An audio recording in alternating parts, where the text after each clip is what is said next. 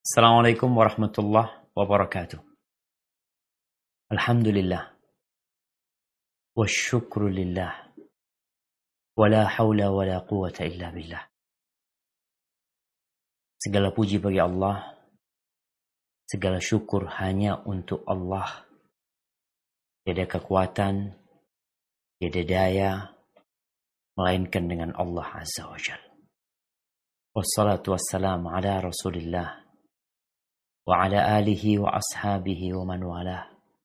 Salawat dan salam semoga senantiasa tercurahkan untuk utusan Allah, untuk keluarga beliau, untuk para sahabat beliau dan orang-orang yang memberikan loyalitas mereka kepada Rasulullah sallallahu Amma ba'd.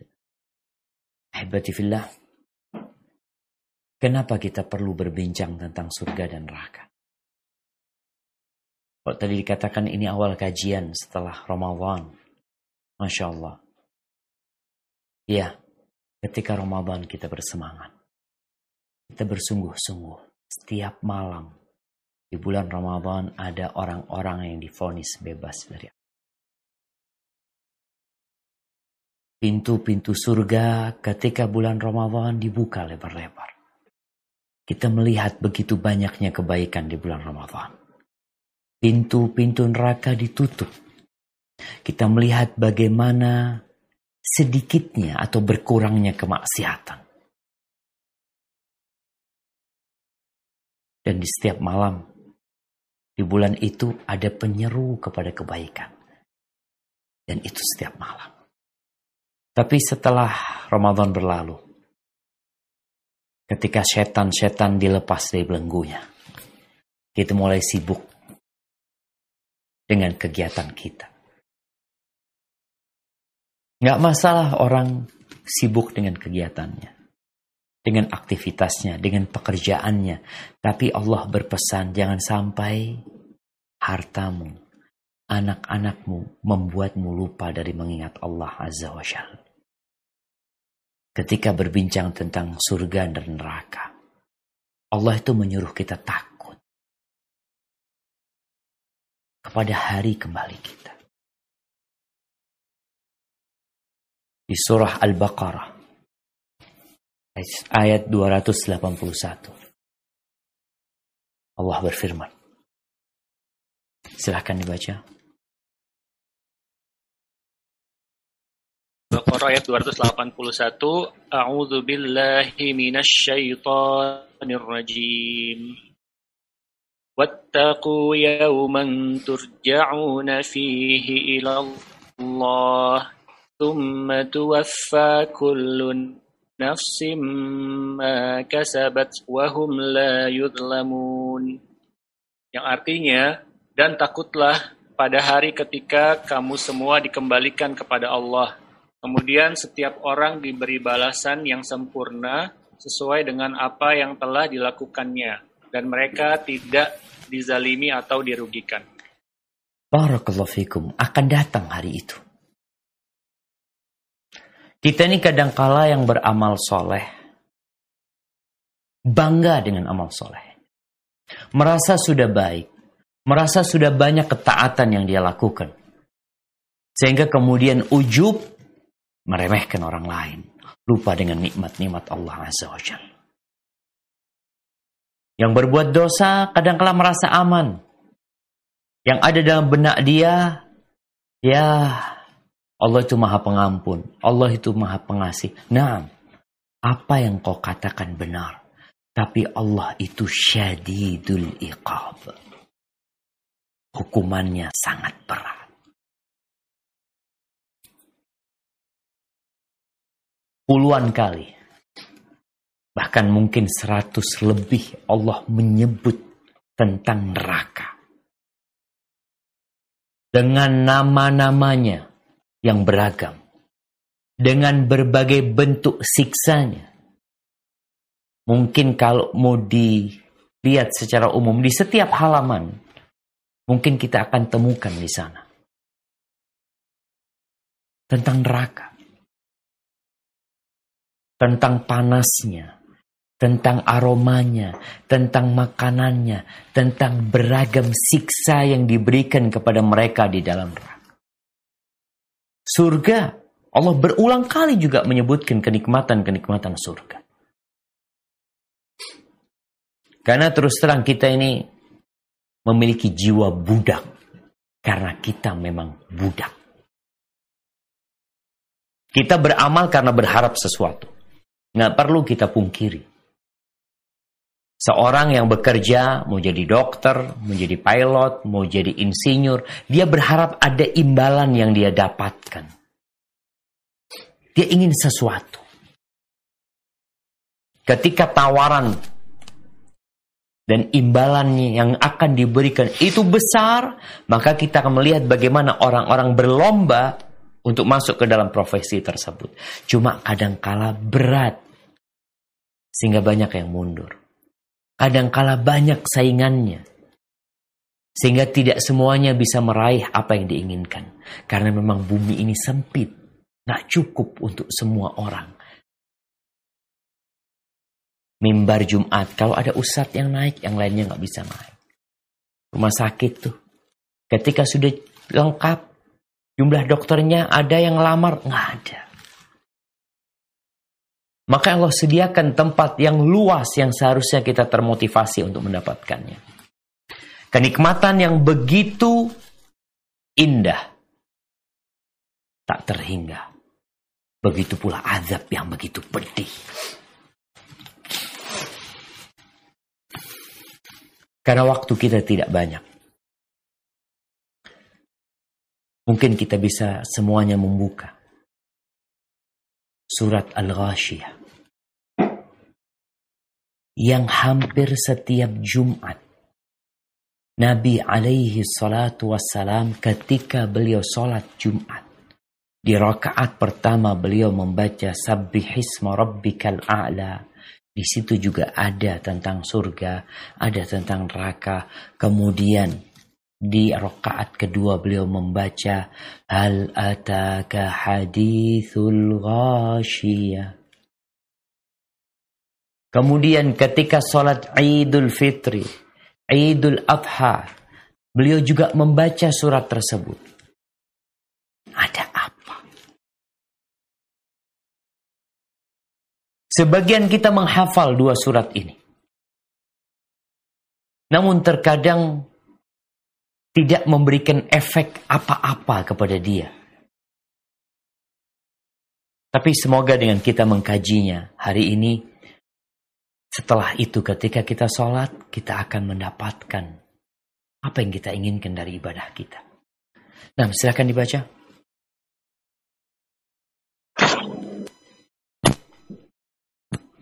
Ghasyiyah surat nomor 88 A'udzu billahi الشيطان الرجيم. بسم الله الرحمن الرحيم. هل أتاك حديث الغاشية؟ وجوه يومئذ خاشعة. عاملة ناصبة. تسلى نارا حامية. تسقى من عين عالية. ليس لهم طعام إلا من ضريع. لا يسمن ولا يغني من جوع. وجوه يومئذ ناعمة لسعيها رادية في جنة عالية. لا تسمع فيها لاغية فيها عين جارية فيها سرر مرفوعة وأكواب موضوعة. ونمارق مسفوفة وزرابي مبثوثة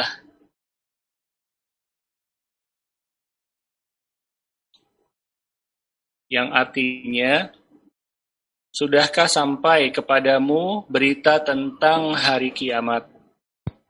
Pada hari itu banyak wajah yang tertunduk terhina karena bekerja keras lagi kepayahan. Mereka memasuki api yang sangat panas, yaitu neraka, diberi minum dari sumber mata air yang sangat panas. Tidak ada makanan bagi mereka selain pohon yang berduri. Yang tidak menggemukkan dan tidak menghilangkan lapar. Pada hari itu banyak pula wajah yang berseri-seri. Mereka merasa senang karena usahanya sendiri. Mereka dalam surga yang tinggi. Di sana kamu tidak mendengar perkataan yang tidak berguna. Di sana ada mata air yang mengalir.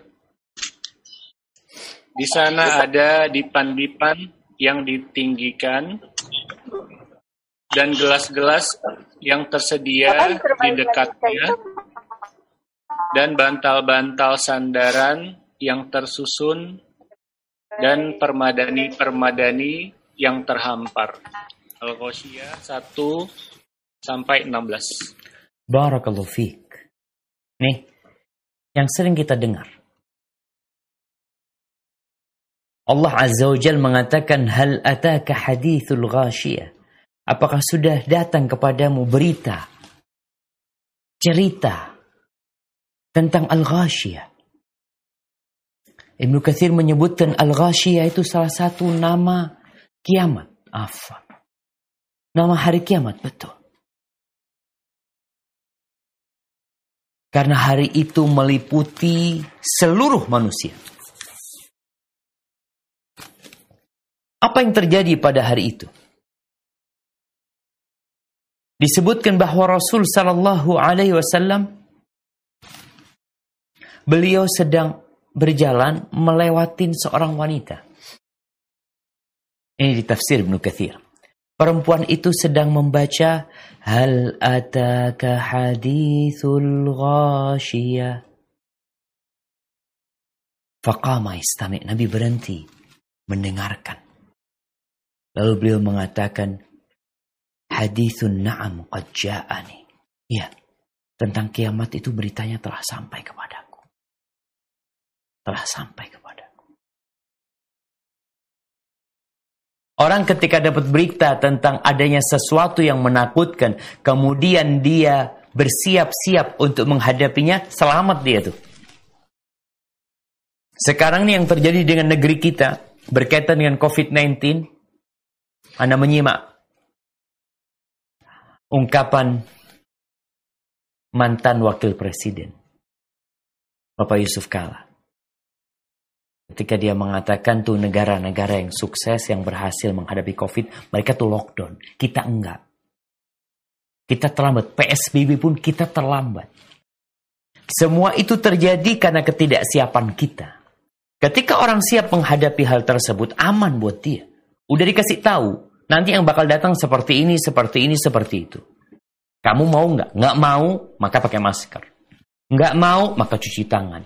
Nggak mau, maka hindari kerumunan. Nggak mau, maka social distancing. Jaga jarak. Nggak mau, tutup negerimu. Jangan ada orang masuk. Itu kalau kita bicara tentang COVID-19 yang kita merasakannya. Kita lihat bagaimana seorang dokter dia pakai APD lengkap karena dia takut. Kenapa nih dokter suka cuci tangan? Karena dia takut. Kenapa nih dokter pakai masker? Karena dia takut. Tapi kenapa kita melihat orang-orang mereka berkerumunan, nggak urusan. Bahkan kita melihat di beberapa tempat jenazah dijemput paksa karena mereka nggak Mungkin karena mereka nggak tahu. Mungkin karena mereka merasa informasi yang disampaikan tidak valid. Ini informasi yang disampaikan tentang neraka. Itu benar-benar sahih. Lalu kita nggak takut. Allah sebutkan wujuhu yawma idin khasyah. Wajah-wajah orang pada waktu itu hin. Penuh ketakutan. Amilatun nasibah, mereka bekerja keras, capek, lelah masuk neraka. Ada dua makna buat ayat ini. Makna yang pertama tuh orang-orang yang masuk neraka itu ketika di dunia mereka capek, mereka bekerja, mereka lelah. Tapi amalannya tidak sesuai dengan yang diinginkan Allah Azza wa Jalla. Mereka beribadah tapi tapi kepada selain Allah Subhanahu wa taala. Kita lihat orang-orang yang membuat sesajen-sesajen kepada selain Allah. Yang mereka membawa sesajen mereka. Mereka yang menyembelih kerbau, menyembelih sapi. Yang mereka kemudian bawa, dilarungkan kepada lautan. Atau kepada siapa. Mereka capek, mereka lelah. Tapi apakah yang dikerjakan itu sesuai dengan keinginan Allah Azza wa Jal atau tidak? Maka jangan sampai engkau capek, engkau lelah, kemudian masuk neraka.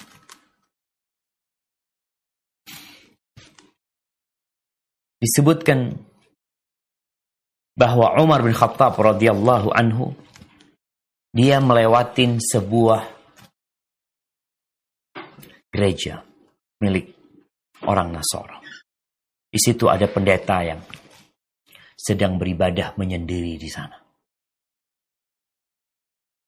Lalu dipanggil sama Umar, "Ya rahib. Ya rahib." Wahai pendeta. Ini cerita disebutkan oleh Ibnu Katsir dalam tafsirnya. Lalu pendeta itu keluar, melongo.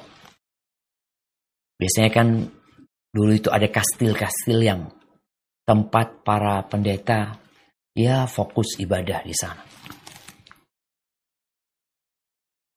Lalu ketika keluar orang ini, ya dalam kondisi mungkin pucat wajahnya, fokus beribadah. Umar itu melihat pendeta tersebut sambil menangis. Nangis. Lalu ada yang menegur Umar mengatakan, Ya Amirul Mukminin, ma yubkika, man hadha? Wahai Amirul Mukminin, apa yang membuatmu menangis? Kok nggak tahu siapa orang ini? Dia non Muslim. Apa kata Umar? Zakartu qala Allah Azza wa Jal fi kitabih. Aku mengingat firman Allah di dalam kitabnya. Amilatun nasibah. Tasla naran hamiyah. Orang itu bekerja, beramal, lelah, capek masuk neraka. Yang panas membara. Itu yang membuat aku menangis. Subhanallah jemaah. Kita perlu berhati-hati. Jangan sampai engkau capek, lelah beramal, tapi ternyata masuk neraka. Penafsiran yang kedua untuk ayat ini. Bahwa mereka di dalam neraka itu capek. Mereka disiksa. Disuruh ini, disuruh itu di dalam api neraka. Dalam kondisi panasnya membara. Mereka mau minum dikasih minuman. Mata air yang mendidih. Antum lihat. Ntar lagi kita akan mengkaji sifat-sifat neraka secara detail. Kita kalau minum, anak ingat neraka ini kemarin anak minum air minum air apa kopi. Ana lupa kalau itu panas. Ana masukkan ke mulut, langsung Ana muntahkan. Gimana kelak di neraka? Ketika dipaksa untuk minum. Yang akan membuat usus itu akan terburai. Ketika meminumnya. Mereka nggak punya makanan, kata Allah, illa min Duri. Makanan-makanan yang berduri. Kita ada satu duri ikan yang nyangkut di leher kita. Kita merasakan nggak enak hari itu. Gimana kalau itu duri? Ada makanan ya seperti bola, pohon yang kelilingnya semuanya duri ketika dimasukkan ke mulut. Sekarang kita bayangkan di dunia, dimasukkan ke mulut, kita udah berdarah-darah mulutnya kita. Gimana kalau dipaksa untuk melewatin kerongkongan kita? Gimana ketika dia masuk ke lambung kita? La yusminu wa la yughni min ada manfaatnya. Tapi itulah azab. Ahibati fillah. Kalau bicara tentang luasnya neraka.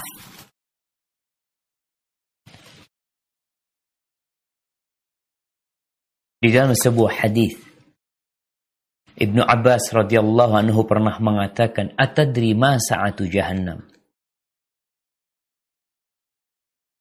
Ibnu Abbas bertanya, Apakah engkau tahu luasnya neraka jahanam? La, kata Mujahid muridnya Ibn Abbas mengatakan la, nggak tahu.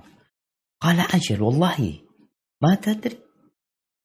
Kau benar-benar nggak tahu. Haddathatni Aisyah. Aku telah diberi kabar oleh Aisyah. Annaha sa'alat Rasulullah sallallahu alaihi wasallam bahwa Aisyah itu bertanya kepada Nabi alaihi salatu wasallam tentang firman Allah di surat Az-Zumar. Coba dibuka. Di surat Az-Zumar ayat 67.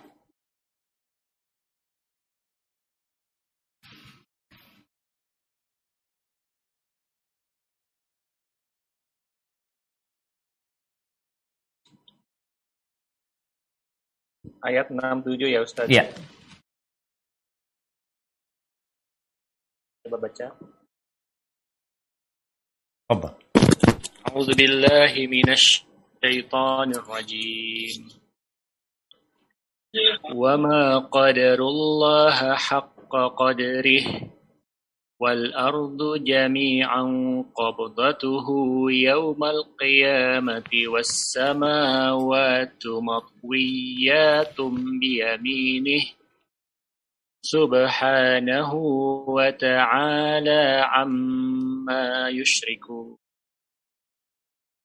yang artinya dan mereka tidak mengagungkan Allah sebagaimana mestinya padahal bumi seluruhnya dalam genggamannya pada hari kiamat dan langit digulung dengan tangan kanannya Maha suci dia dan maha tinggi dia dari apa yang mereka persekutukan. Az-Zumar ayat 67.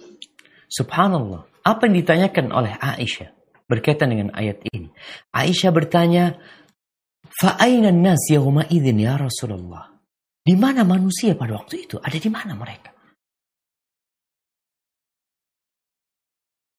Ketika langit digulung, bumi ada di genggaman Allah Azza wa Jalla di kanan Allah Azza wa Jal. Kata Nabi alaihi salatu wassalam, ala jisri jahannam. Orang-orang sedang berada di jembatan neraka jahannam.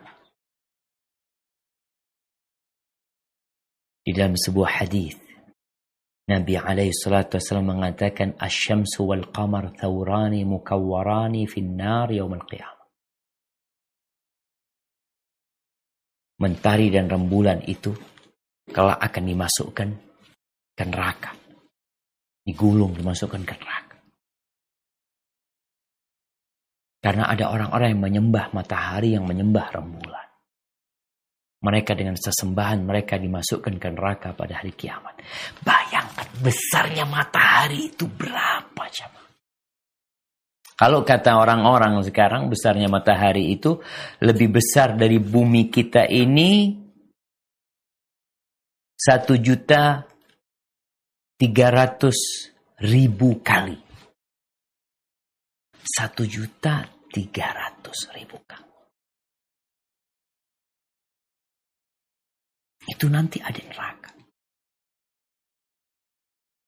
Agar mereka yang menyembah selama ini merasakan kok menyembah makhluk ciptaan Allah Azza wa Jalla.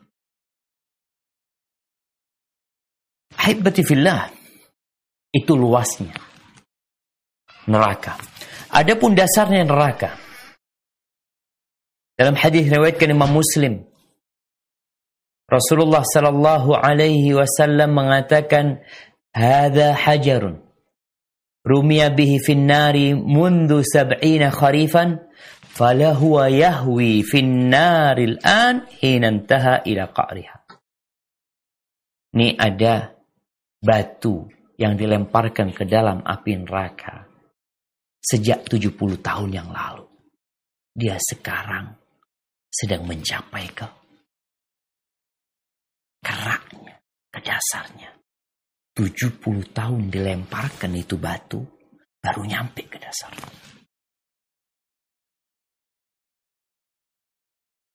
Panasnya api neraka. Kata Nabi alaihi salatu wassalam, narukum juz'un min sab'ina juz'an min nari jahannam. Api kalian yang kalian gunakan untuk memasak, yang kalian gunakan untuk uh, memanaskan besi, itu satu bagian dari 70 bagian api neraka. Ini satu bagiannya. Qila ya Rasulullah, in kanat lakafiyah. Kata para sahabat, ya Rasulullah, kalau neraka itu seperti panasnya api dunia, itu udah cukup. Kita melihat ada orang dimasukkan ke dalam api, terbakar. Bagaimana ketika dia dibakar di sana? Api dunia. Lalu bagaimana ketika api itu 69 plus api dunia ini? Fuddilat alaihinna bitis'atin wasittina juz'an. Iya. Api neraka itu lebih dahsyat 69 kali dari api dunia. Kulluhunna mithla harriha. 69 itu sama dengan api dunia ini. Dua kali lipat, tiga kali lipat, empat kali lipat. Na'udzubillahi minan. Kalau bicara ada naungan ternyata. Orang bernaung di sana. Mereka karena kepanasan, di mana-mana kita melihat orang kalau kepanasan cari naungan. Di neraka ternyata Allah sediakan naungan. Allah sebutkan di surat Al-Waqi'ah ayat 43 42. Surah Al-Waqi'ah ayat 43 42.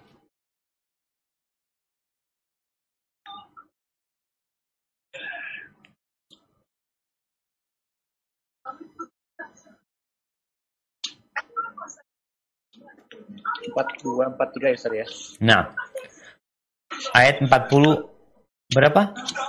43 44. Apa? 43 44. 43 44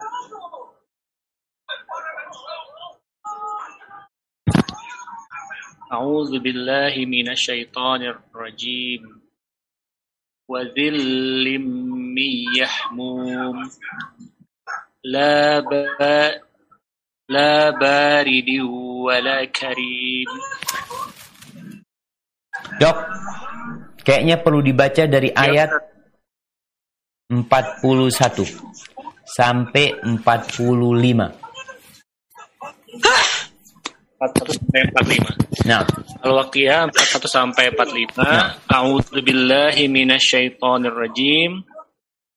Wa ashabus shimal ma ashabus shimal fi samumin wa hamim wa dhillim من يحموم لا بارد ولا كريم إنهم كانوا قبل ذلك مترفين yang artinya dan golongan kiri alangkah sengsaranya golongan kiri itu mereka dalam siksaan angin yang sangat panas, dan air yang mendidih. Dan naungan asap yang hitam tidak sejuk dan tidak menyenangkan. Sesungguhnya mereka sebelum itu dahulu hidup bermewah-mewah. Al-Waqiah 41 sampai 45. Barakallahu fikum. Subhanallah, Allah jelaskan tentang neraka itu secara detail.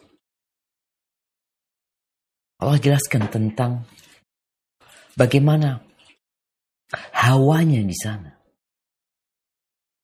Anginnya bagaimana? Ternyata anginnya panas.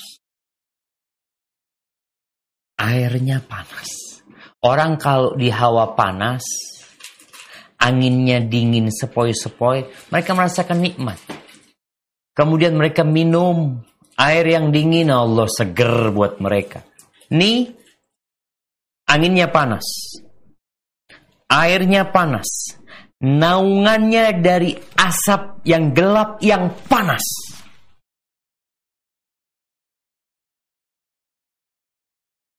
Tidak membuat mereka ternaungi dan tidak membuat mereka nyaman hidupnya. Tapi mereka dahulu ketika hidup di dunia, mereka orang yang suka bermewah-mewahan. yang biasa dibawa AC ya. yang kalau jalan-jalan di tempat-tempat yang enak di bawah AC itu nggak terlarang tapi jangan sampai lupa di situ ada azab yang menanti kalau kita lupa mengabdi kepada Allah SWT bahan bakarnya api neraka. Apa bahan bakarnya? Kalau kita tahu di sini api yang ada di dunia ini bahan bakarnya ya yang kebanyakan kita lihat adalah ada gas, bahan bakarnya ada bensin, ada kayu, bahan bakar yang digunakan di sana sehingga panasnya bisa sampai 70 atau 69 kali lebih daripada panasnya api dunia itu apa sebenarnya? Allah sebutkan tentang bahan bakarnya. Di surat Al-Baqarah ayat 24. Surah Al-Baqarah ayat 24.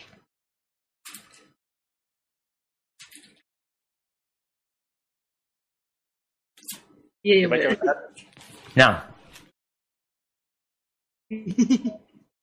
بقرة 24 أعوذ بالله من الشيطان الرجيم.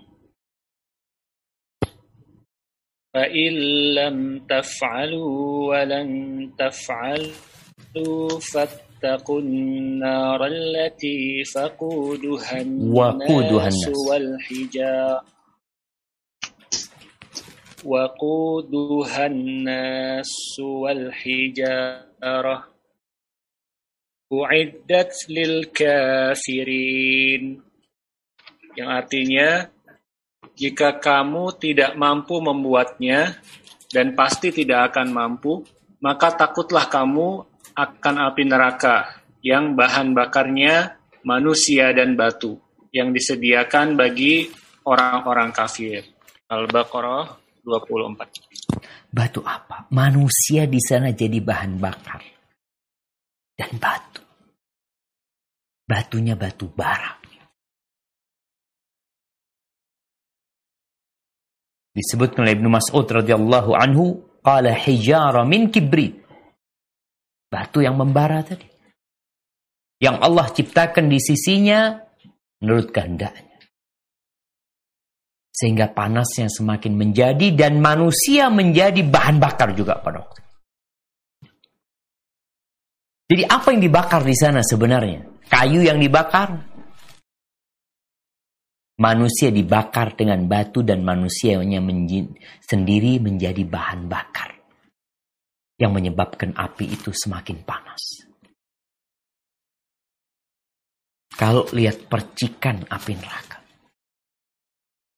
Allah sebutkan di surat Al-Mursalat ayat 32. Surah Al-Mursalat ayat 32.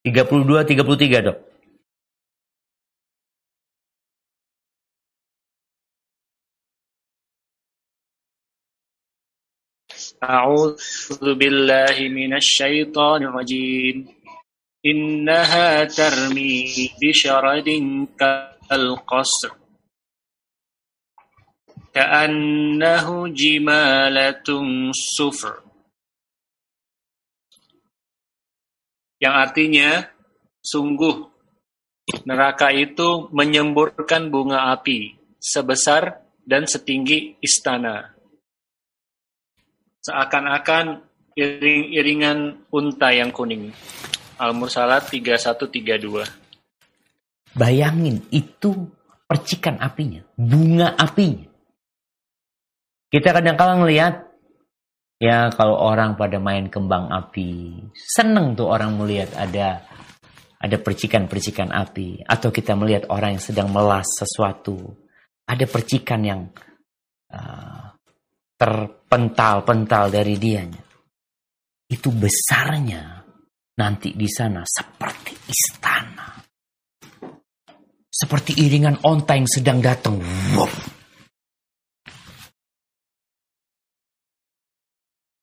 Di samping dia besar seperti itu dan neraka mengeluarkan suara. Mengeluarkan suara. Allah sebutkan di surat Al-Mulk ayat 7. Surat Al-Mulk yang dianjurkan untuk dibaca tiap malam. Di ayat 7. Artinya kita itu tiap hari bacaan kita itu mengingatkan kita dengan neraka.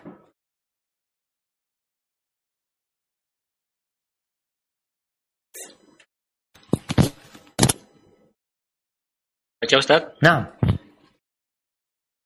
A'udzu billahi minasyaitonir rajim. إذا ألقوا فيها سمعوا لها syahiqaw wahiya tafur. Yang artinya, apabila mereka dilemparkan ke dalamnya, mereka mendengar suara neraka yang mengerikan, sedang neraka itu membara. Al-Mulk ayat 7. Subhanallah jemaah.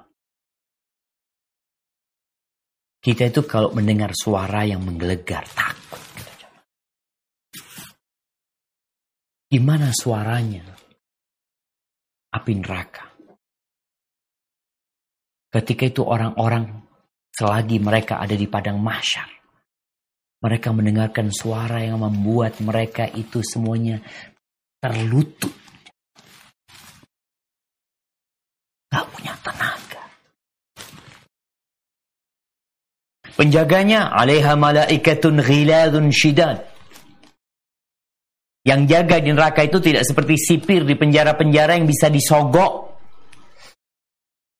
Yang mereka menebarkan senyum. Yang kadangkala itu tahanan karena banyak duitnya, mereka bisa keluar, bisa jalan-jalan. Itu tahanan. Seperti kejadian apa Gayus Tambunan apa beberapa tahun yang lalu dan sampai hari ini pun terus terungkap Iya. Karena sipirnya yang jaga itu suka fulus. Baik-baik juga mereka. Sedangkan penjaga neraka malaikat-malaikat yang keras, yang garang. La ya'sunallah ma amarahum wa yaf'aluna ma yu'marun. Mereka tidak pernah bermaksiat dengan perintah Allah. Disuruh ini mereka taat. Apa yang diperintahkan mereka kerjakan. Neraka itu memiliki tujuh pintu. Setiap pintu udah ada bagian yang masuk ke sana. Dan jamaah Allah mengatakan waji'a yawma idzin bi jahannam yawma idzin yatadzakkarul insan wa anna lahu dzikra kelak akan didatangkan neraka jahanam Didatangkan ketika orang-orang sedang berada di padang mahsyar, didatangkan neraka jahanam itu. Ketika orang-orang melihat neraka jahanam, ketika itu mereka ingat dengan segala yang mereka kerjakan, mereka ingin dikembalikan ke dunia, habis sudah. Waktumu udah selesai. Yu'ta bi jahannam. Kata Nabi alaihi salatu wasallam akan didatangkan neraka jahannam. Laha sab'una alfi zimam.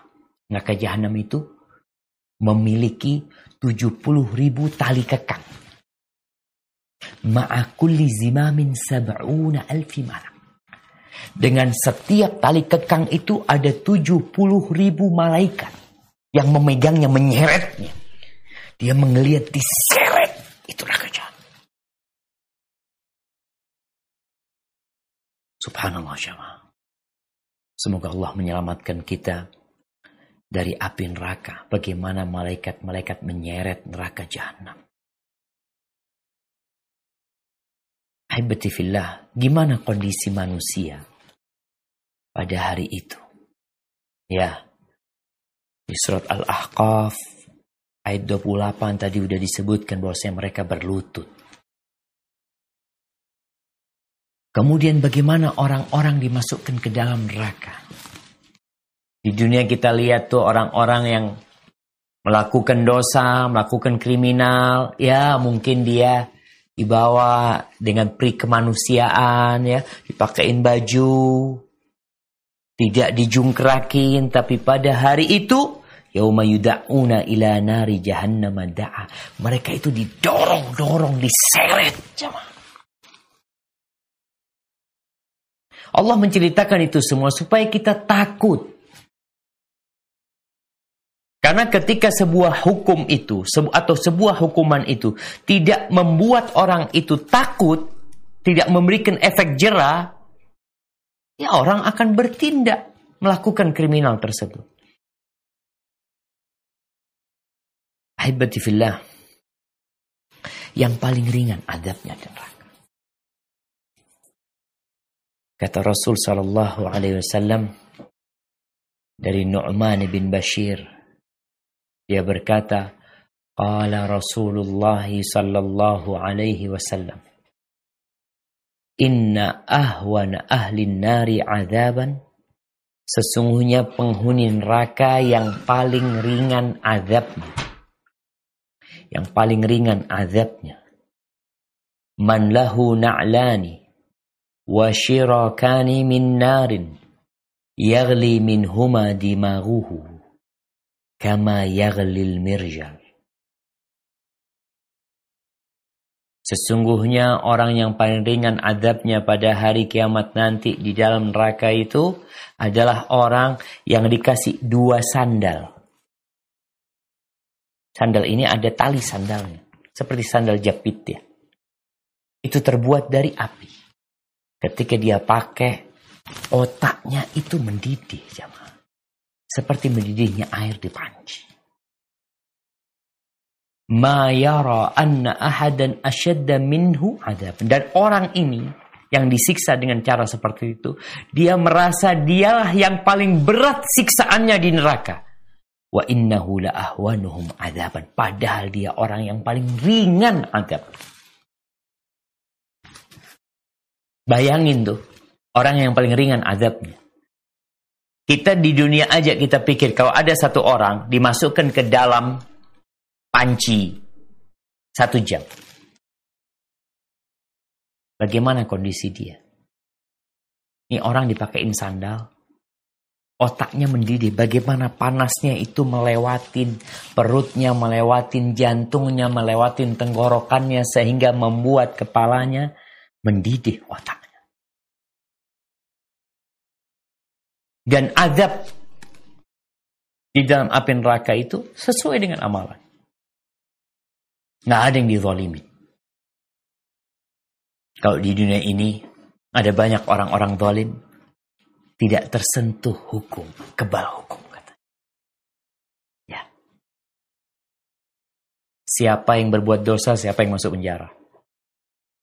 Ya kita ngelihat itulah manusia. Innahu kana zaluman jahul. Sesungguhnya dia tuh manusia benar-benar makhluk yang sangat bolim dan sangat bodoh. Maka ada banyak tindakan-tindakan kebodohan yang memalukan. Ada hukuman-hukuman yang tidak pantas ya. Ya ini dunia. Nanti akan ditegakkan keadilan oleh Allah SWT. Minhum kata Nabi SAW ketika menceritakan tentang beragamnya adab sesuai dengan perbuatan. Minhum man ta'khuduhun nar ila ka'bai. Ada orang yang api itu membakar dia sampai ke mata kaki. Wa minhum man ta'khudun nar ila rukbatai. Ada yang dibakar sampai ke lututnya. Ya maaf. Yang dipakein sandal aja otaknya mendidih. Gimana yang sampai ke lututnya? Wa minhum man ta'khudun nar ila hujazatihi. Au. Ada yang apinya sampai ke pinggulnya. Wa minhum man ta'khudun nar ila terkuatihi. Ada yang sampai ke lehernya. Tentunya ada yang tenggelam dalam neraka. Kita tahu seorang muslim tidak muslim yang bertauhid tidak akan kekal di dalam api neraka. Sesuai dengan amalannya. Ada orang-orang yang tidak bisa masuk surga langsung. Sehingga dia harus melalui siksa tersebut. Semoga kita masuk surga tanpa hisab dan tanpa adab.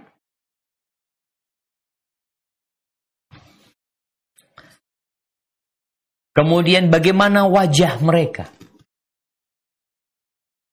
Gosong. Allah sebutkan di surat Yunus ayat 27. Surat Yunus ayat 27. Wajahnya gosong. Penuh kehinaan. Karena siksa api neraka itu bukan hanya siksa fisik. Batin mereka disiksa. Tafadhal dibaca.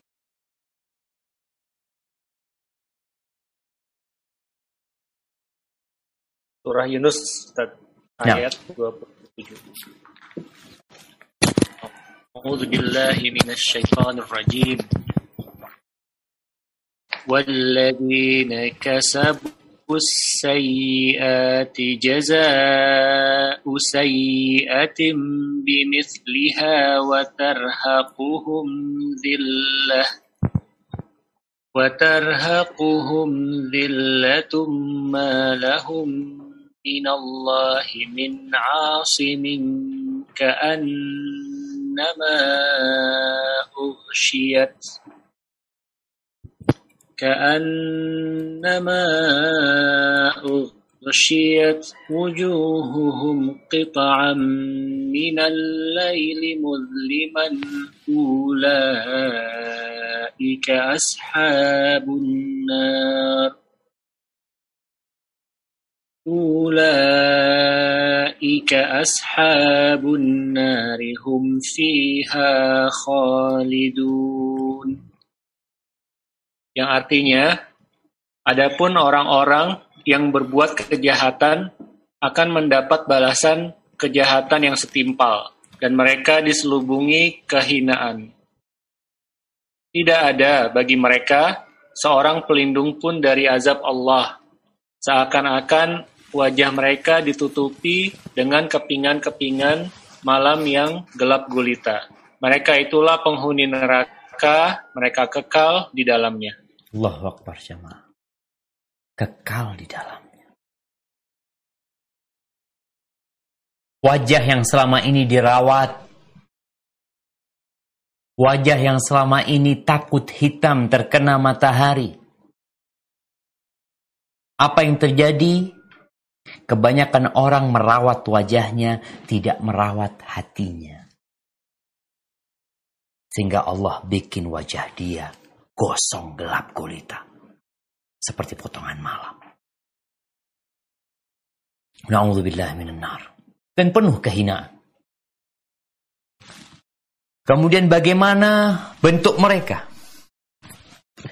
Apakah orang-orang di dalam api neraka itu tubuh mereka seperti ketika mereka di dunia? Sedangkan penghuni surga, kita ini belum bicara tentang nikmat surga. Orang-orang dimasukkan surga itu dirubah fisik mereka menjadi pemuda berumur 33 tahun yang tidak berjenggot. Kemudian tubuh mereka seperti Nabi Adam alaihi salam. Situna zira'an fis sama. 60 hasta tingginya. Allah ingin memberikan nikmat kepada mereka. Sehingga surga itu besar sekali. Adapun di neraka, adab yang diberikan kepada orang-orang yang masuk ke neraka, tubuh mereka dirubah. Sesuai dengan adab mereka. Dari Abu Hurairah radhiyallahu anhu. Dari Nabi alaihi salatu wassalam, beliau mengatakan, Ma baina mankibail kafir masirata thalathati ayyamin lirrakibil musri. Antara dua pundaknya orang kafir ini, jarak antara dua pundaknya. Dari sini, dari kiri ke kanan itu, perjalanan tiga hari buat penunggang yang gesit. Entah, kalau satu hari satu malam itu, Orang berjalan biasa naik onta itu dihitung kira-kira 80 km. Ini nggak tahu berapa kilometer. Ya mungkin sekitar itu pula. Kenapa jamaah? Kok dibikin tubuh mereka besar? Pernah melihat cicak jatuh dari dinding. Jatuh. Next. Apa yang terjadi sama cicak itu? Kesakitan dia, dia langsung lari, langsung naik lagi. Baik, ketika tikus jatuh dari dinding, dari atap ya, jatuh. Tergantung tubuhnya. Ketika dia kecil, dia masih bisa lari. Ketika dia besar, dia mulai pening-pening sedikit. Tapi ketika yang jatuh itu sapi dari atap gajah dijatuhkan dari gedung yang tinggi. Jadi manusia yang pundaknya perjalanan tiga hari buat penunggang yang cepat. Bagaimana ketika dia dijatuhkan?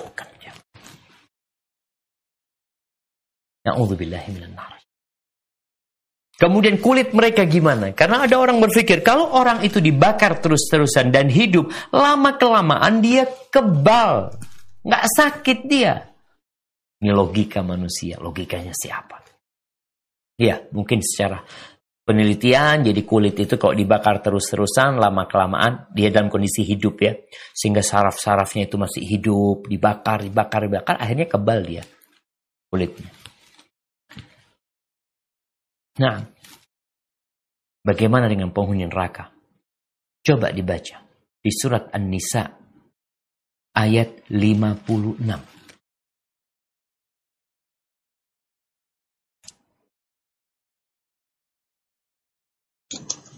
Lagi diam. Nah, tafadhal. Surat An-Nisa ayat 56. Nisa ayat 56. A'udzu billahi minasy syaithanir rajim. إن الذين كفروا بآياتنا سوف نصلهم نارا كلما نضجت جلودهم بدلناهم جلودا غيرها ليذوقوا العذاب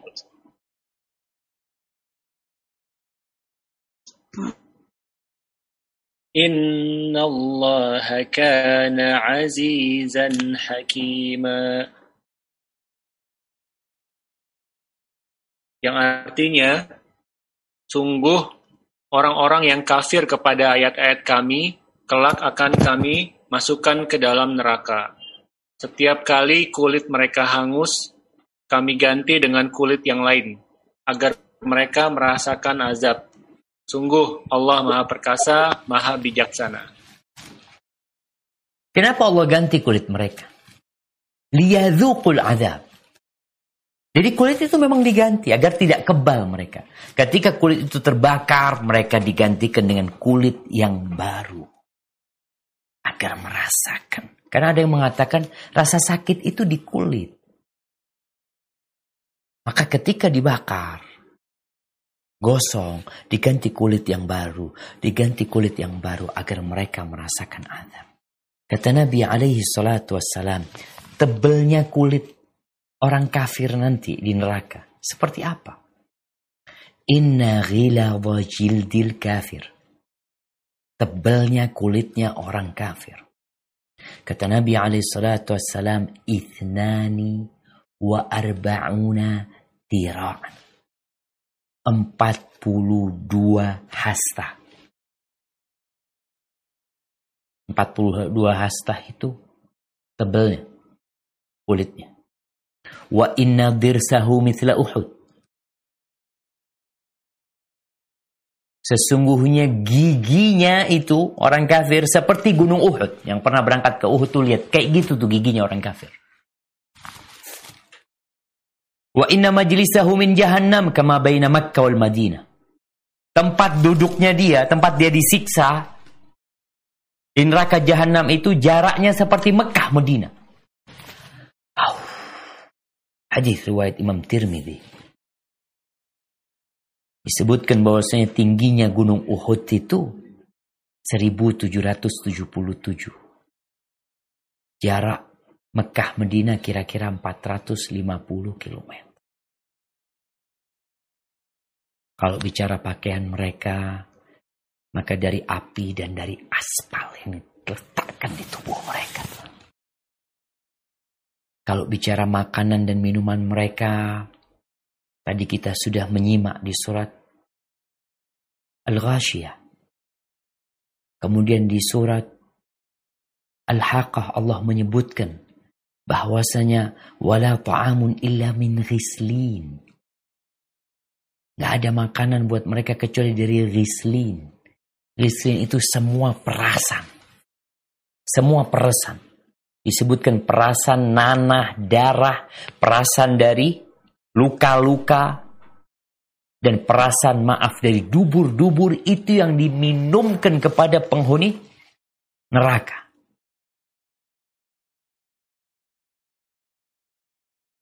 Ahibati fillah. Bagaimana ikat mereka? Tali mereka. Kalau kita melihat di dunia ini kadangkala maling itu ya sekarang mungkin diikat tangannya. Mungkin ada yang menakutkan diikat tangan kasih rantai kakinya juga diikat dia jalan yang seperti ini. Bagaimana dengan yang berada di neraka? Allah sebutkan. Di surat Ghafir ayat 71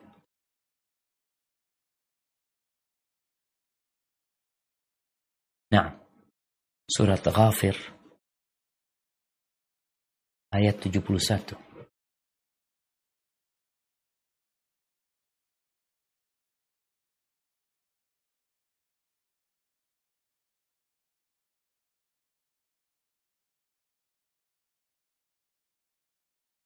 Berapa? Surat nomor berapa ya Ustaz Al-Ghafir? Nah,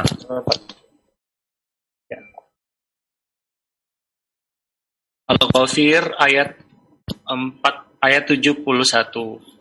A'udzu billahi minasyaitonir rajim. Idil aghlalu fi a'naqihim wassalasil yushabun.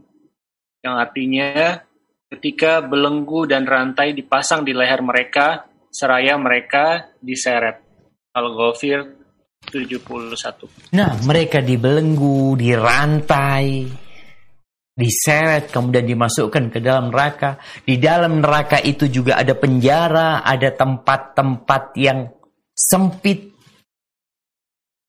Bagaimana Nabi alaihi salatu wassalam pernah bercerita tentang orang-orang yang sombong. Yuhsyarul mutakabbiruna yawmal qiyamah amthal al-dhar fi surat rijal Orang-orang yang sombong pada hari kiamat akan dihimpun.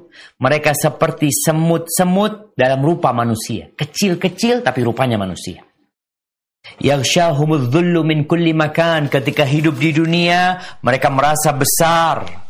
Mereka merasa terhormat, merasa mulia. Yang lainnya di bawah dia. Pada hari itu, dia akan ditimpa dengan kehinaan dari semua arah. Yusakuna ila min jahannam bulis. Mereka akan digiring menuju ke penjara.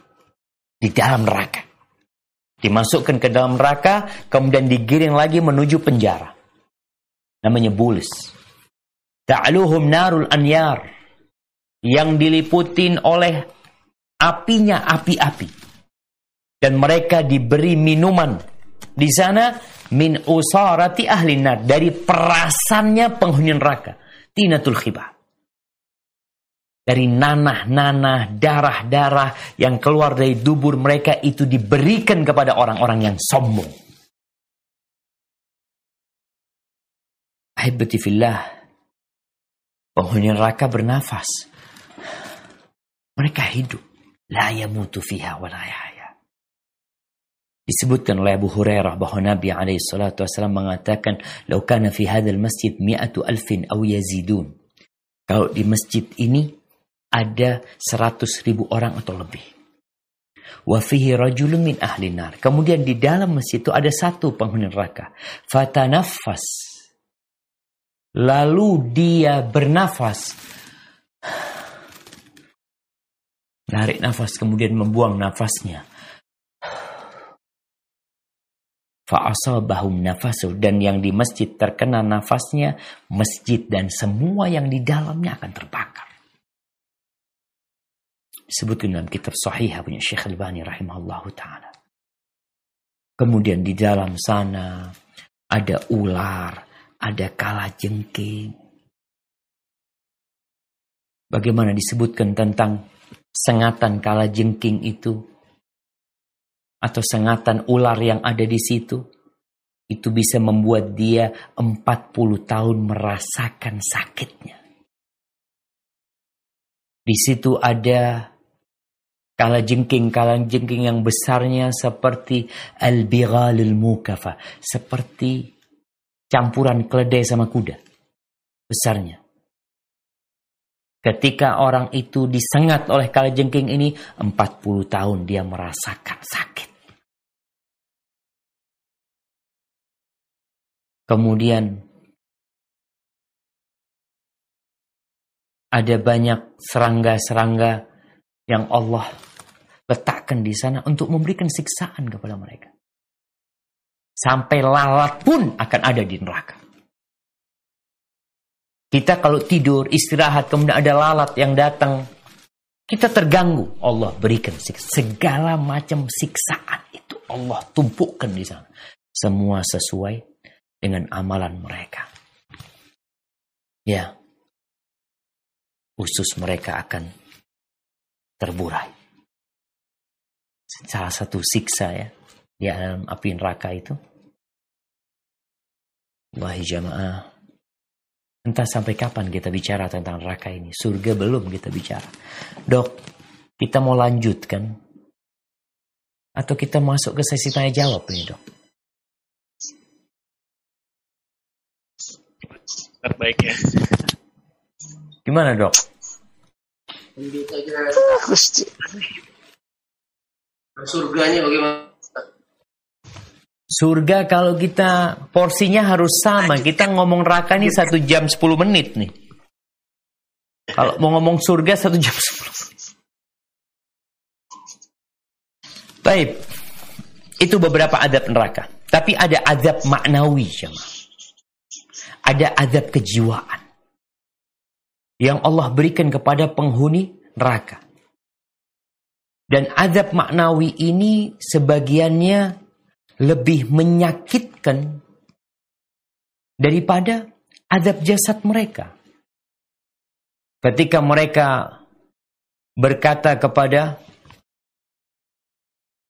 penghuni, kepada penjaga neraka jahanam. Mereka mengatakan, Ud'u rabbakum yukhaffif anna yawman minal adab. Mereka berteriak mengatakan, panggilkan kepada Rob kalian agar memberikan keringanan satu hari Satu hari dari azab. Mereka ingin istirahat dari azab satu hari aja. Qalu awalam ta'tikum awalam taku ta'tikum rusulukum bil bayinat. Bukankah telah datang kepada kalian utusan-utusan kami yang membawa kebenaran penjelasan penjelasan kepada kalian? Apa jawab penghuni neraka? Qalu bala. Qalu fad'u wa ma du'aul kafirin illa fi dhal eh kalian mau doa doa. Tidak ada gunanya kalian berdoa minta diringankan dari azab. Ini surat Ghafir ayat 49 sampai 50. Kemudian bagaimana disebutkan di surat Ad-Dukhan ayat 77 78. Ketika mereka berteriak meminta kepada Malik komandan yang menjaga neraka itu malaikat Malik. Mereka mengatakan wanadau mereka teriak memanggil ya Malik liyaqdi alaina rabbuk. Wahai Malik, mintakan kepada Rabbmu agar kita dimatikan.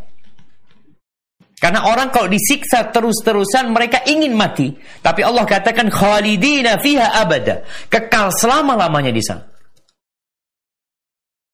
Mereka minta dimatikan jangan. Sampai kepada itu. Mereka terus teriak-teriak. Disebutkan Malaikat Malik itu diam, tidak menjawab. Sampai seribu tahun. Nggak dijawab. Mereka terus teriak-teriak. Setelah seribu tahun, Malik mengatakan, Innakum makithun. Kalian akan tetap berada di dalamnya. Laqad ji'nakum bilhaq. walakinna aktharakum lilhaqi karihun. Kami telah datang kepada kalian dengan kebenaran. Tapi kebanyakan kalian itu membenci kebenaran. Dikasih tahu tentang neraka, dikasih tahu tentang azab, dikasih tahu tentang ini itu kalian benci dengan kebenaran. Dan kebanyakan manusia seperti itu. Sedangkan neraka ini diliputi dengan perkara-perkara yang disukai oleh manusia. Surga, yang kita akan bicarakan tentang surga, itu diliputi dengan segala hal yang dibenci oleh manusia. Jadi jalan menuju surga itu berat. Aibatifillah. Ya, sebelum Sedikit kita berbicara tentang surga. Semoga kelak ketika ada kajian lagi kita akan berbicara yang agak panjang tentang surga Allah Subhanahu wa taala. Tadi kita udah baca tuh di surah Al-Ghasyiyah. Bagaimana surga, wajah mereka berseri-seri di sana. Karena mereka gembira dengan apa yang telah mereka kerjakan di dunia. Mereka berada di surga yang tinggi-tinggi, di taman-taman yang tinggi. Untuk melihat orang itu suka ke tempat yang tinggi. Kenapa puncak itu ramai? Ya pekan orang datang, macet datang. Karena ada yang mereka sukai di sana. Di surga Allah kita harus capek sekarang. Di sana tidak ada ungkapan-ungkapan yang menyakitkan hati. Omong kosong nggak ada. Kita akan melihat mata air yang mengalir terus. Ada empat, ada empat sungai di sana. Sungai dari susu, sungai dari madu, sungai dari khamr, sungai dari air. Mengalir di bawah rumah-rumah mereka. Kalau bicara bidadari surga jangan ditanya fiha sururum marfu'ah. Di situ ada dipan-dipan yang tinggi yang berisi bidadari-bidadari yang menanti. Minuman-minuman yang disiapkan Bagaimana penghuni surga ketika masuk surga ada welcome drink buat mereka, ada makanan yang disiapkan buat mereka, ada di apa sofa-sofa tempat mereka duduk di sana, ada bantal-bantalnya, mereka ngobrol buah-buahannya dekat. Insya Allah, kayaknya tentang surga kita khususkan kajian, kita berbicara tentang surga Allah Subhanahu Wa Taala. Paling nggak hari ini kita takut sama neraka Allah Subhanahu Wa Taala. Hada wallahu a'lam. Bisawab mungkin kita masuk ke sesi tanya jawab di sisa waktu yang ada. Fadal. Jazakallah Allah khair, barakallahu fiik Ustaz Syafiq atas kajian tentang neraka tadi kita sudah dengar ya. Rasanya takut dan ngeri setelah kita dengar segala penjelasan mengenai neraka ini. Baik, mungkin dari jamaah ada ingin bertanya langsung, saya persilakan bisa mengacungkan tangan kemudian bertanya langsung dengan Ustadz Syafiq. Atau saya dulu Ustadz Syafiq mau tanya ya Ustadz ya. Tafadhal. Dari neraka ini Ustadz ada nggak uh, tingkat-tingkatannya atau uh, leveling atau urutannya? Yang kedua, ada doa khusus nggak Ustadz untuk kita terhindar dari siksa neraka ini? Jazakallah khair. Barakallahu fikum. Ya. Kalau bicara neraka, surga itu bertingkat-tingkat ke atas, mi'atu darajah. Neraka ini pun bertingkat-tingkat ke bawah. Darokat. Yang berada di keraknya yang paling akhir. Yang tadi kita sebutkan hadis Nabi alaihissalatu menjelaskan batu yang dilemparkan. Kemudian dia itu baru sampai ke dasarnya setelah 70 tahun. Itu tingkatan yang terakhir. Allah mengatakan innal munafiqina fid darkil asfali minan nar. Sesungguhnya orang munafik itu berada di keraknya neraka yang paling bawah. Memang ada para ulama yang menjelaskan tentang nama-nama neraka ya dengan tingkatan-tingkatannya. Yang jelas neraka itu punya tujuh pintu. Setiap pintu itu ada bagian khusus yang berhak masuk lewat pintu tersebut. Kalau adabnya tadi udah disebutkan. Adabnya itu ada yang apinya itu hanya sampai ke mata kakinya. Ada yang sampai ke lututnya. Ada yang sampai ke pinggulnya. Adapun penjelasan tentang ada mungkin ada jahim, ada sa'ir. Itu lebih kepada sifat-sifat neraka sebenarnya. Hada wallahu a'lam bissawab. Nah. Untuk doa Ustadz ada Oh. yang khusus? Ustadz? Ya, untuk doa sebenarnya Rasulullah Shallallahu alaihi wasallam bersabda, Barang siapa yang meminta perlindungan kepada Allah dari api neraka, tiga kali dia minta, maka neraka itu akan meminta kepada Allah Subhanahu wa taala agar orang ini dijauhkan dari api neraka. Apa doanya bebas? Dia mau mengatakan Allahumma ajirna minan nar, Allahumma ajirna minan nar, Allahumma ajirna minan nar. Atau dia mau mengatakan Allahumma inni a'udzubika minan nar, Allahumma inni a'udzubika minan nar. Silahkan. Yang penting isi doa tersebut minta dilindungi dari api neraka. Begitu pula mereka yang minta surga, maka surga akan merindukan dia. Dan surga pun akan mengatakan, Ya Allah masukkan tuh orang ke dalam surga. Maka sering-sering kita itu berdoa. Ada doa yang biasa dibaca Nabi sebelum tidur. Nabi itu ingat dengan neraka. Sebelum tidur beliau membaca tiga kali. Allahumma qini azabak yauma tab'athu ibadak. Ya Allah selamatkan aku dari azabmu pada hari engkau membangkitkan hamba-hambamu.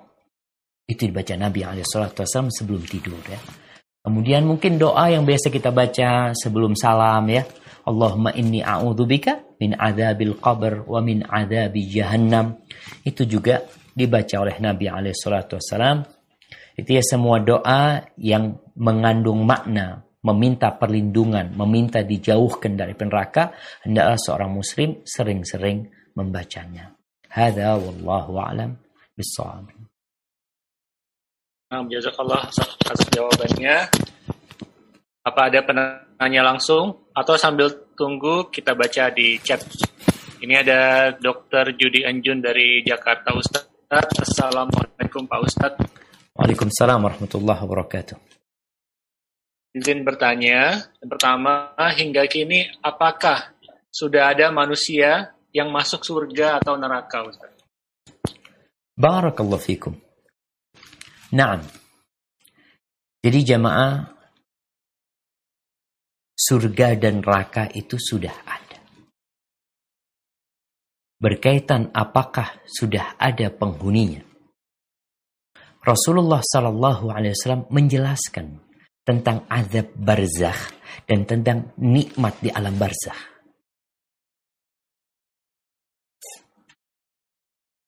berkaitan dengan nikmat di alam barzakh itu, bagaimana ketika orang di dalam kuburnya, Allah bukakan buat dia itu jendela atau pintu menuju ke surga. Kemudian datang kepada dia aromanya, datang kepada dia dinginnya, nikmatnya, dia melihat itu nikmatnya surga. Ketika itu kata Nabi SAW, orang yang mati ini meminta kepada Allah, Allahumma aqimis sa'ah, ya Allah, bangkitkan kiamat. Kenapa? Karena dia ingin masuk ke surga. Tapi di hadis-hadis lain ketika kita berbincang tentang alam gaib ini, maka kita berbincang penjelasan Allah dan Rasulnya. Nabi berbincang tentang orang-orang yang mati syahid atau arwahnya orang-orang yang beriman. Nabi mengatakan arwahu syuhada fi jawfi tayrin khudrin tasrahu fil jannah haitsu yasha.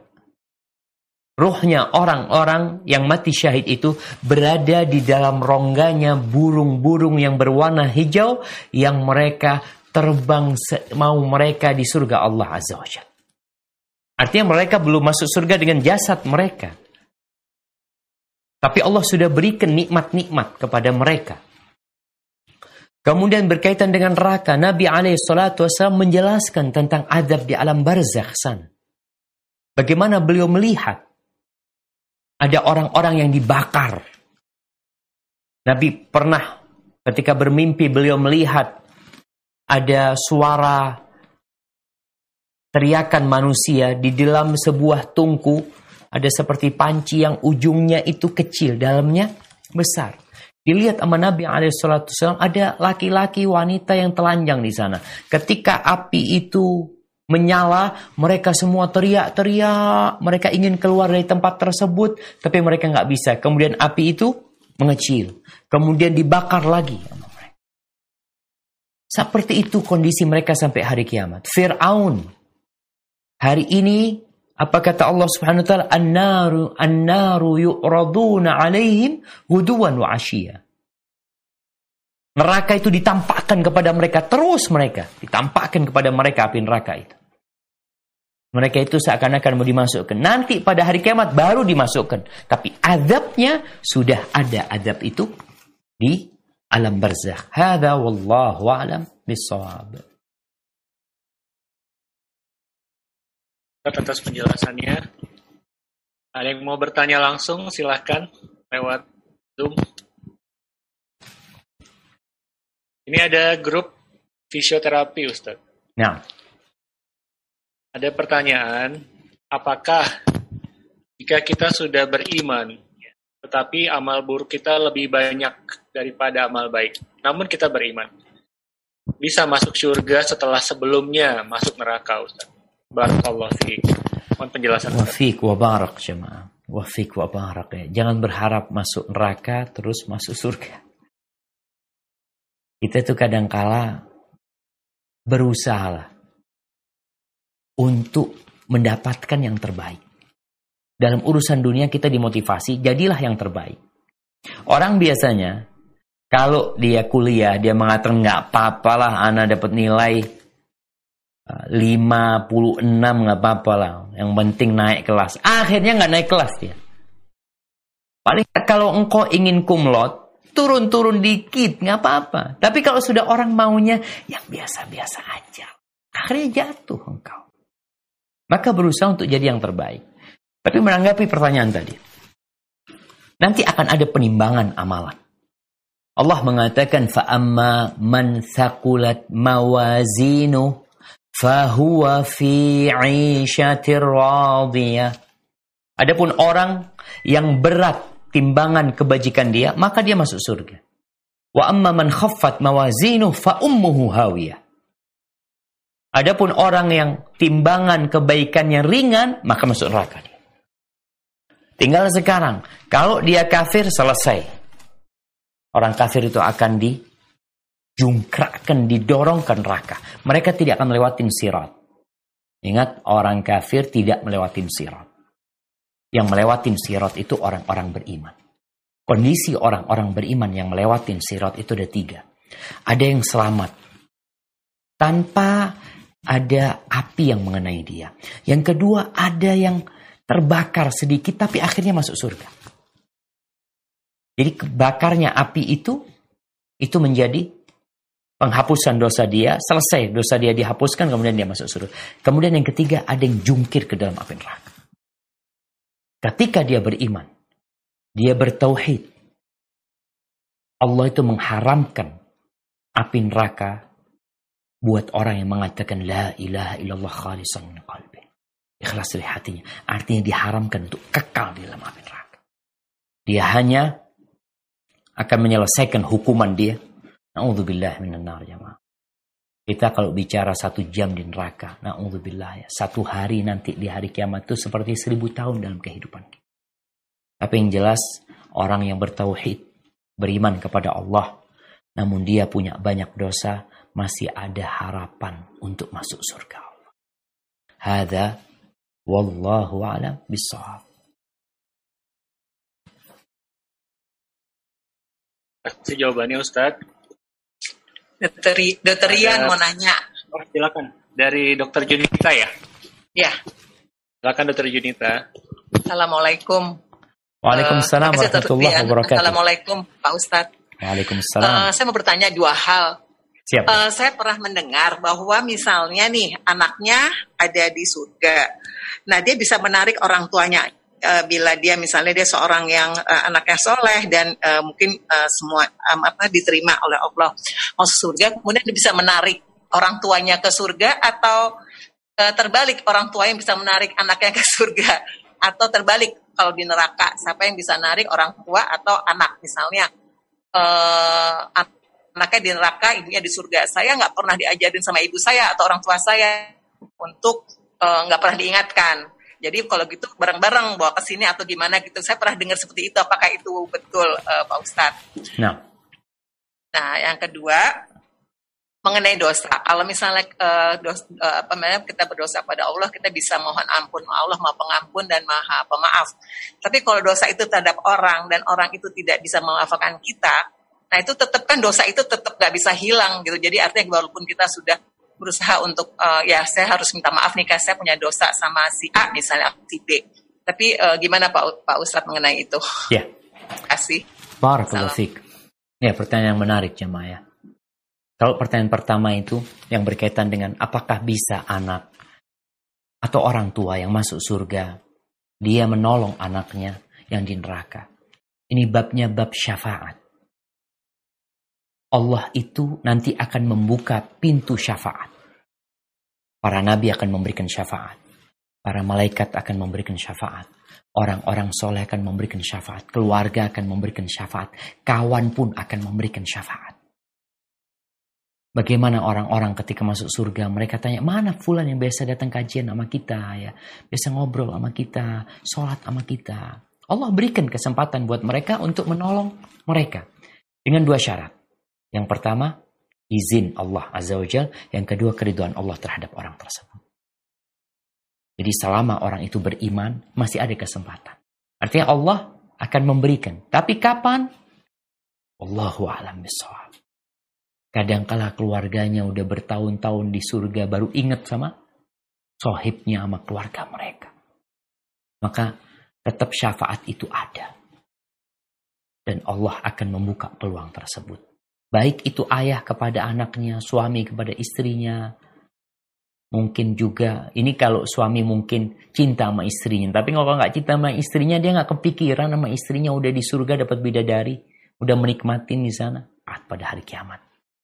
Wa Nabi alaihi salatu wasallam mengatakan syafaati li ahli kabair min ummati. Syafaatku aku akan berikan kepada orang-orang yang melakukan dosa besar dari umatku. Artinya selama dia belum melakukan kesyirikan, tidak melakukan kesyirikan, melakukan dosa, ada kesempatan. Tapi kapan? Wallahu a'lam.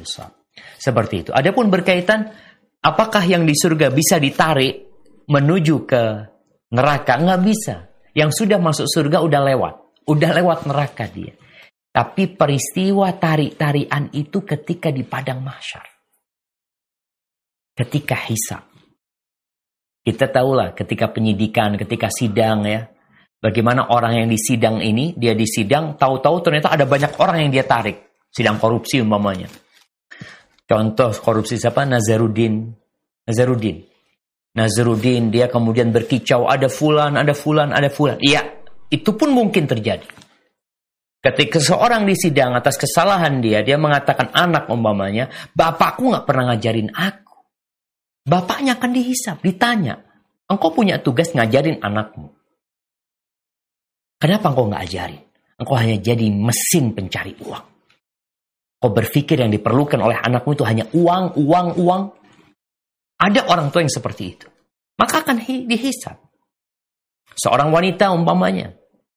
Mungkin ada ayahnya yang nggak pernah ngajarin dia untuk sholat, untuk menutup auratnya. Ayahnya akan dipanggil.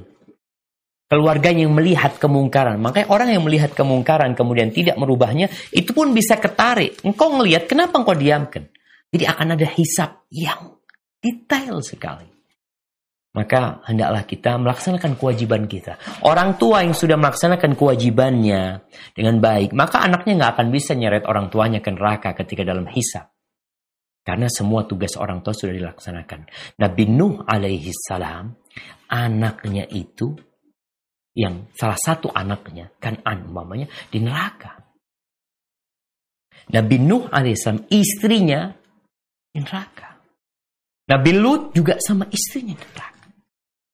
Tapi mereka sudah melaksanakan tugas mereka. Artinya hendaklah kita maksimal, nanti akan ada hisap yang detail. Ada pun pertanyaan yang kedua. Anak kok jadi lupa sama pertanyaan yang kedua dong? Oh, ada salah dengan manusia. Oke, okay, siap. Nah, iya gimana nih? Gimana kalau kita punya salah sama manusia? Betul, jemaah. Iya memang agama kita ini benar-benar memuliakan manusia. Ketika kita mendolimin orang, orang itu punya hak untuk tidak memaafkan kita. Punya hak dia. Bahkan dia punya hak untuk berdoa memohon kepada Allah taala agar Allah memberikan hukuman kepada kita. Itu diperbolehkan dia berdoa. Oleh karena itu Nabi alaihissalam ketika menceritakan Nanti pada hari kiamat tuh nggak ada emas, nggak ada perak ya. Nanti di hari kiamat itu ada orang-orang yang bangkrut. Kenapa dia bangkrut? Dia bawa pahala sholat, dia bawa pahala zakat, pahala haji, dia bawa semuanya. Tapi dalam kehidupan dunia ternyata dia nggak baik hubungannya dengan manusia. Sehingga banyak yang menuntut kepada dia. Kemudian dia bangkrut karena amal kebajikannya habis. Tapi sekarang gimana? Kalau kita udah tobat Ustaz. Kita minta maaf tapi dia tidak memaafkan kita. Berusaha untuk minta maaf dia. Kalau bisa disogok. Disogok. Mama yang kita pernah melukain dia, kita bawa kontaknya motor, syuf ini kontak motor, ini PPKB, ini SNK, maafkan aku. Wallahi nanti kekayaan kita nggak ada gunanya, jamaah. Sekarang masih berguna untuk minta maaf orang. Ya. Kalau ada orang-orang yang pernah kita sakitin, kita kasih duit. Ayolah, maafkan aku. Kita minta maaf sama dia. Kadang kala dia orang kan kalau sudah kita berbuat baik sama dia, akhirnya iyalah nggak apa-apa lah sini kontaknya nggak apa sudah. Karena maafkan antum. Nggak apa-apa jazakallah khair. Nanti ini nggak ada gunanya. Sekarang mumpung ada gunanya. Tapi kalau nggak mau memaafkan, maka antum banyak-banyak mendoakan dia. Karena kelak akan dia akan menuntut dari antum dan antum harus berbagi kebaikan sama dia. Maka hendaklah antum banyak-banyak mendoakan dia sehingga doa ini cukup untuk membayar ya kesalahan antum sama dia. Hada wallahu a'lam bishawab. Dokter Yunita sudah uh, jelas ya dokter ya? Terima kasih Pak Ustadz. Terima kasih dokter ya. Allah khair Ustaz. Masih bisa lanjut Ustaz? Mungkin dua pertanyaan lagi dok. Pak dokter nah, saya mau tanya. Pak, Pak dokter. Alia oh, iya, mau tanya Pak dokter. Saya mau tanya. Iya. Ya. Assalamualaikum uh, Pak Ustadz. Waalaikumsalam warahmatullahi wabarakatuh. Uh, saya pernah dengar Pak Ustadz bahwa masuk surga itu kan karena ridhonya Allah Subhanahu Wa Taala, bukan karena banyaknya amalan-amalan ibadah. Itu maksudnya bagaimana Ustadz ya? Yang pertama. Terus yang kedua, tadi Ustadz menjelaskan bahwa uh, banyak amalan-amalan tapi masuk neraka. Apa, Dok? kita masuk surga Iya, masuk surga itu karena bukan karena ridho amalan. Allah. Iya, karena karena ridho Allah. Iya, jemaah. Begini sebenarnya. Kita ini selama beramal, itu kita beramal dengan fasilitas dari Allah Subhanahu taala. Semua dari Allah. Engkau sodakoh, harta dari Allah. Yang menggerakkan hatimu Allah taala. Rasulullah Shallallahu alaihi wasallam mengatakan la yadkhulu ahadukum al-jannata bi'amali. Enggak ada yang masuk surga dengan amalan. Amalan itu hanya menjadi sebab. Orang itu masuk surga karena Allah kesian sama kita. Kalau dibandingkan ibadah kita sama nikmat Allah ta'ala, ditimbang tuh lebih banyak nikmat Allah. Ditimbang lagi sama dosa kita, maka lebih berat dosa kita. Maka yang ada cuma rahmat. Ampunan Allah subhanahu wa ta'ala. Maka di malam Lailatul Qadar, kenapa kita mintanya minta maaf sama Allah subhanahu wa ta'ala? Karena kita nggak akan bisa membalas kebaikan Allah sama kita. Kalau kita beribadah 500 tahun, dibandingkan dengan nikmat mata yang Allah berikan kepada kita, lebih banyak nikmat yang Allah berikan kepada kita. Sehingga amalan itu menjadi penyebab Allah kesian sama kita. Jadi amal itu hanya menjadi penyebab yang memasukkan kita ke surga adalah rahmat Allah SWT. Maka doa kita, Rabbil firli warhamni. Ya Allah ampuni aku dan kasihi aku ya Allah. Kita minta itu sama Allah SWT. Dan ini juga pelajaran agar kita tidak ujub, tidak bangga dengan amalan kita. Oh aku sudah kini aku. Engkau bisa berbuat itu semua karena Allah yang memberikan taufik kepadamu. Dan biasanya orang yang ujub ini karena dia lupa sama nikmat Allah dan lupa sama kekurangan dirinya. Sehingga Nabi menjelaskan gak ada yang masuk surga dengan amalannya. Amalan itu hanya menjadi penyebab. Sebab. Seperti contohnya. Kalau kita ini, Anda sering contohkan ya. Kalau amal kita ditukar sama surga, nggak mungkin bisa ditukar sama surga. Kalau Ana bawa bawa sepeda ini, nih sepeda nih. Ana bawa sepeda ini ke teman Ana yang punya showroom mobil. Lalu Ana ngomong, Bang, sepedanya tukar Alphard bang ya. Kira-kira dia tukar nggak ya? Dia ngomong, tafadhol Syafiq, inti pilih yang mana yang mau. Apakah ini nilainya sama dengan Alphard atau karena dia kesian sama Ana? Atau karena dia sayang sama Ana? Karena dia sayang. Bukan karena ini senilai dengan itu. Amalan kita nggak senilai dengan surga Allah subhanahu wa ta'ala. Kita cuma beramal 70 tahun, 80 tahun. Di surga itu khalidina fiha abada. Kekal selama-lamanya jemaah. Satu hari sama dengan seribu tahun jemaah. Maka sejatinya kita masuk surga itu dengan rahmat Allah.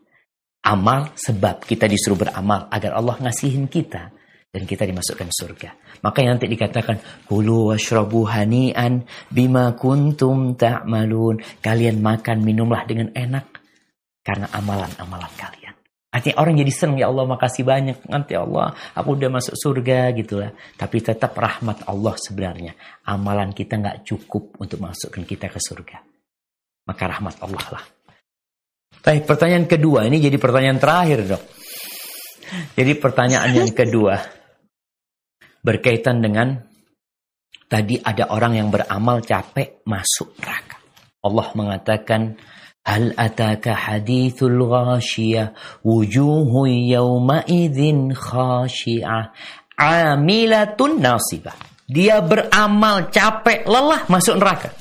Gimana maksudnya? Kita ini jamaah bukan sekedar beramal.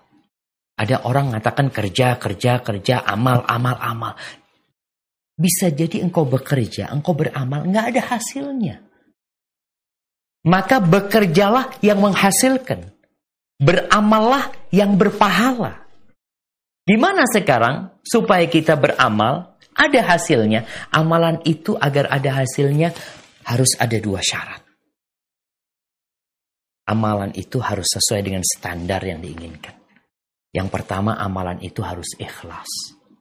Ada orang sholat, kata Nabi alaih, kata Allah Azza wa Jal, wailul lil musallin. Celaka buat orang-orang yang sholat. Dia sholat, dia bukan nggak sholat, dia sholat. Alladzina hum an salatihim sahun. Dia sholat tapi asal-asalan sholatnya. lalai dengan sholatnya. Rukun, wajib, syaratnya sholat, nggak dipedulikan. Yang penting sholat. Ada orang seperti itu. Yang kedua, syarat yang kedua, alladzina hum yura'un. Dia ria. Secara kualitas ibadahnya itu tidak sesuai dengan sunnah Nabi SAW. Tidak sesuai dengan aturan. Yang kedua, dia ria. Niatnya bukan untuk Allah Azza wa. Maka dua hal yang perlu diperhatikan. Ibadahmu harus sesuai dengan aturan apa yang diinginkan oleh Nabi SAW oleh Allah Azza wa Jal. Seperti kita bicara APD. Apakah semua APD itu layak dipakai? Enggak semuanya. Ada orang asal-asalan bikin, bikin APD, ternyata malah dokternya terpapar COVID gara-gara pakai APD itu. Karena tidak sesuai dengan standar. Maka bicara, beramal, bekerja, hendaklah amalan itu sesuai dengan sunnah Nabi SAW, dengan aturannya. Ada orang yang sholat selama 60 tahun, kata Nabi SAW, satu pun sholat yang nggak ada yang diterima. Sholat dia sama. Kenapa tidak diterima? Tidak sesuai dengan aturan. Nggak tumak ninah dia sholatnya. Yang penting sholat. Kemudian yang ria, banyak sodakohnya, banyak eh, ilmunya, banyak bacaan Qurannya. Karena ingin dipuji orang, bukan ikhlas lillahi ta'ala masuk neraka. Na'udzubillah min dalik. Mungkin itu yang bisa Anda sampaikan pada kesempatan kali ini. Mudah-mudahan kita bisa lanjutkan pada perjumpaan yang akan datang. Kurang lebihnya Anda mohon maaf apabila yang Anda sampaikan benar itu dari Allah Jalla Jalaluh. Kalau ada yang salah dan kurang berkenan itu dari diri Anda pribadi. Allah dan Rasulnya terbebaskan dari kesalahan itu. Anda kembalikan kepada dokter. Tafadullah.